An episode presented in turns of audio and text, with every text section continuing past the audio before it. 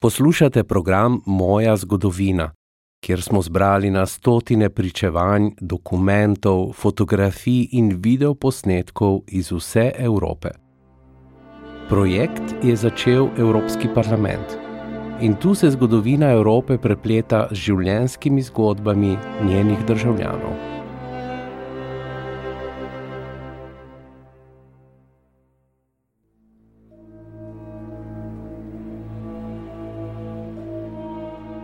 Nemški Wehrmacht je 9. septembra 1939 zakorakal v Mošino, polsko mestece nedaleč od Poznanja. Takoj so se začeli represija, aretacije in poboji, ki so dosegli vrhunec leta 1943, ko je nemški okupator v kraju odkril uporniško gibanje. Med preganjanimi je bila tudi družina Ježevič. Jestem wnuczką Marianny Pazgrad z domu Jerzewicz. Polska katolicka rodzina Jerzewiczów, zamieszkująca w Mosinie. Sem vnukinja Marjane Pazgrad, rojene Ježevič. Polska katoliška družina Ježevič iz Mošine blizu Poznjana je med nacistično okupacijo še posebej trpela. Szczególnych prześladowań w okresie okupacji hitlerowskiej.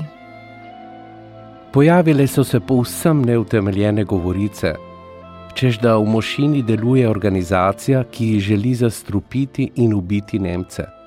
Zdravniki, lekarnari, celo babice so bili obtoženi skrajno čudaških kaznjivih dejanj.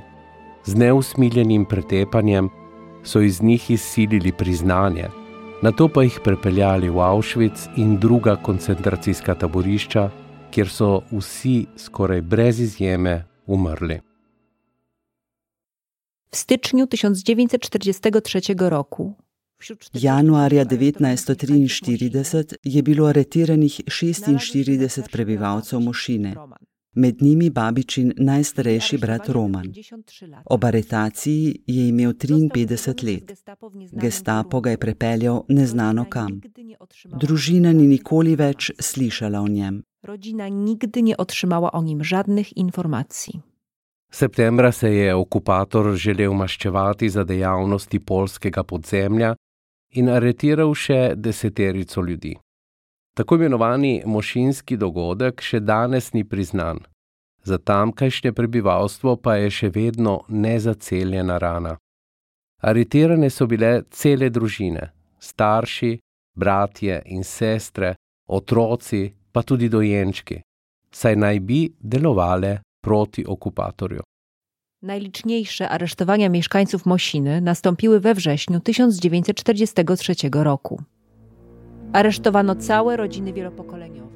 Do najbolj množičnih aretacij v Mošini je prišlo septembra 1943, ko so bile aretirane cele rodbine, torej starši, otroci in vnuki. Družina Ježevič je bila aretirana 9. septembra 1943. Leonard je bil takrat star 29 let, Hieronim jih je štel 27, Ludvik jih je imel 49, njegov sin Edmund pa 23.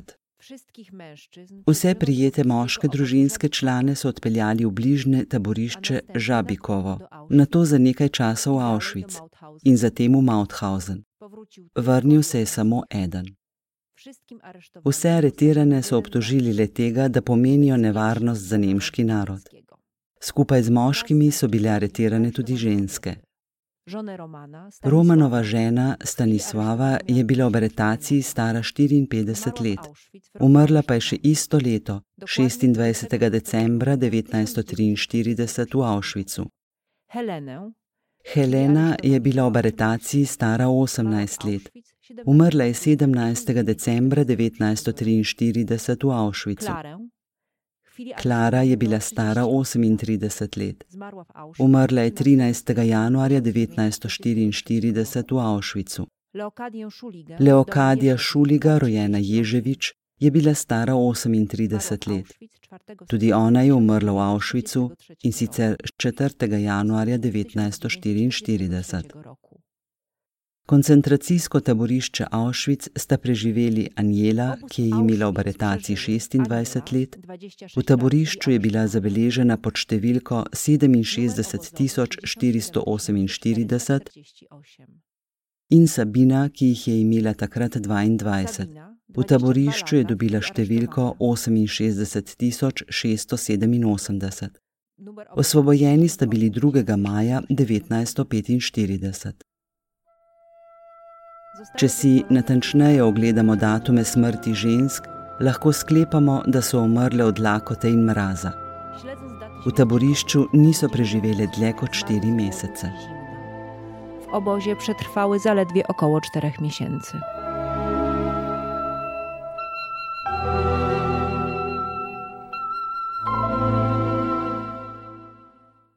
V getu mesta Loč je bilo koncentracijsko taborišče za otroke. V njem so bili zaprti polski otroci, katerih starši so umrli v koncentracijskih taboriščih ali so bili usmrčeni zaradi sodelovanja v uporniškem gibanju. V getu so morali otroci na prisilno delo. V tem taborišču so ubijali celo dojenčke. Starejše otroke so prepeljali v Auschwitz, ko so dopolnili 16 let. Gestapo następnego dnia po aresztowaniu dorosłych wróciło po pozostawione bez opieki dzieci. Gestapovci so se dan potem, ko so aretirali odrasle, vrnili po otroka, štiriletnega Edvarda in dveletnega Jeržija. Aretirali so tudi njuno 16-letno teto Gabrielo, ki je prišla v hišo, da bi popazila na njo. Otroka so odpeljali v otroško taborišče v Lodžu. Oba sta preživela. Dzieci przewieziono do Łodzi, do obozu dla dzieci. Przeżyły. Za tako majhne otroke, ki so se naenkrat znašli v taborišču, je bilo to nekaj nepredstavljivega. Bili so brez staršev in povsem sami. Nihče jim ni mogel pomagati, pogosto so jih pretepali, bili so lačni in so morali težko delati. Čeprav je bilo to taborišče namenjeno otrokom, ni bilo prav nič drugačno od ostalih. Zato se ga je prijelo ime Mali Auschwitz. Dzieci, które przeżyły mały Auschwitz, przeszły przez piekło. Otroci, ki so preživeli koncentracijsko taborišče, so prestajali peklenske muke. Iz dokumentov in pričevanj vemo, da tamkajšnja okrutnost ni poznala meja. Zdaj, ko so odrasli, povedo, da jim čez dan nekako še uspeva, po noči pa jih tlačijo more. Živo se spominjajo vsega, čeprav so bili ob vstopu v taborišče še majhni. Mimo, że do obozu trafili jako małe dzieci.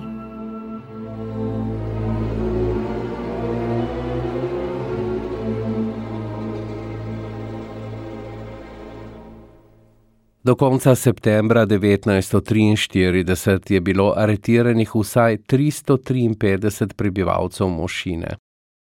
Polovica jih je umrla v Auschwitzu, nekateri v drugih taboriščih, o usodi petih ljudi pa ni nikakršnih informacij.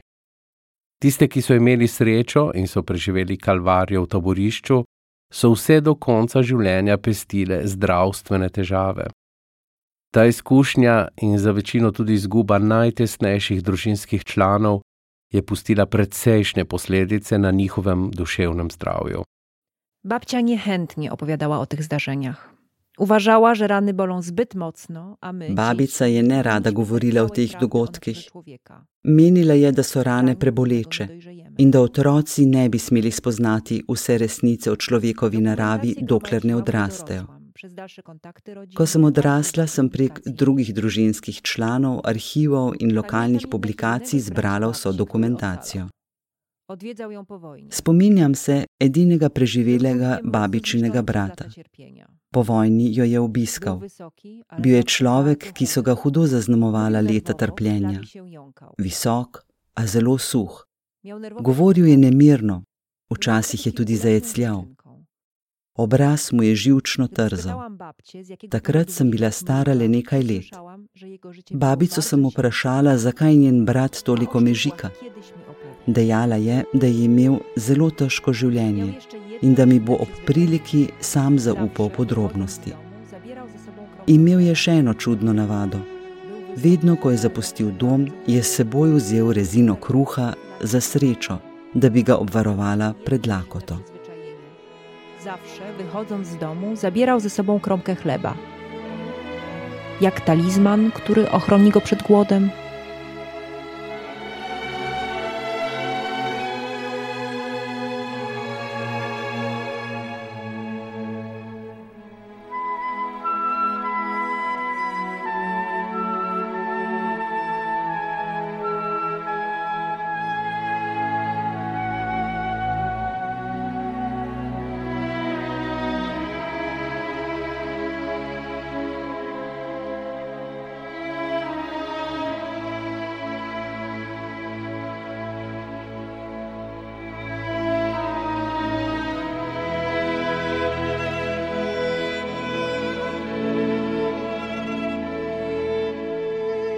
Poslušali ste program Moja zgodovina.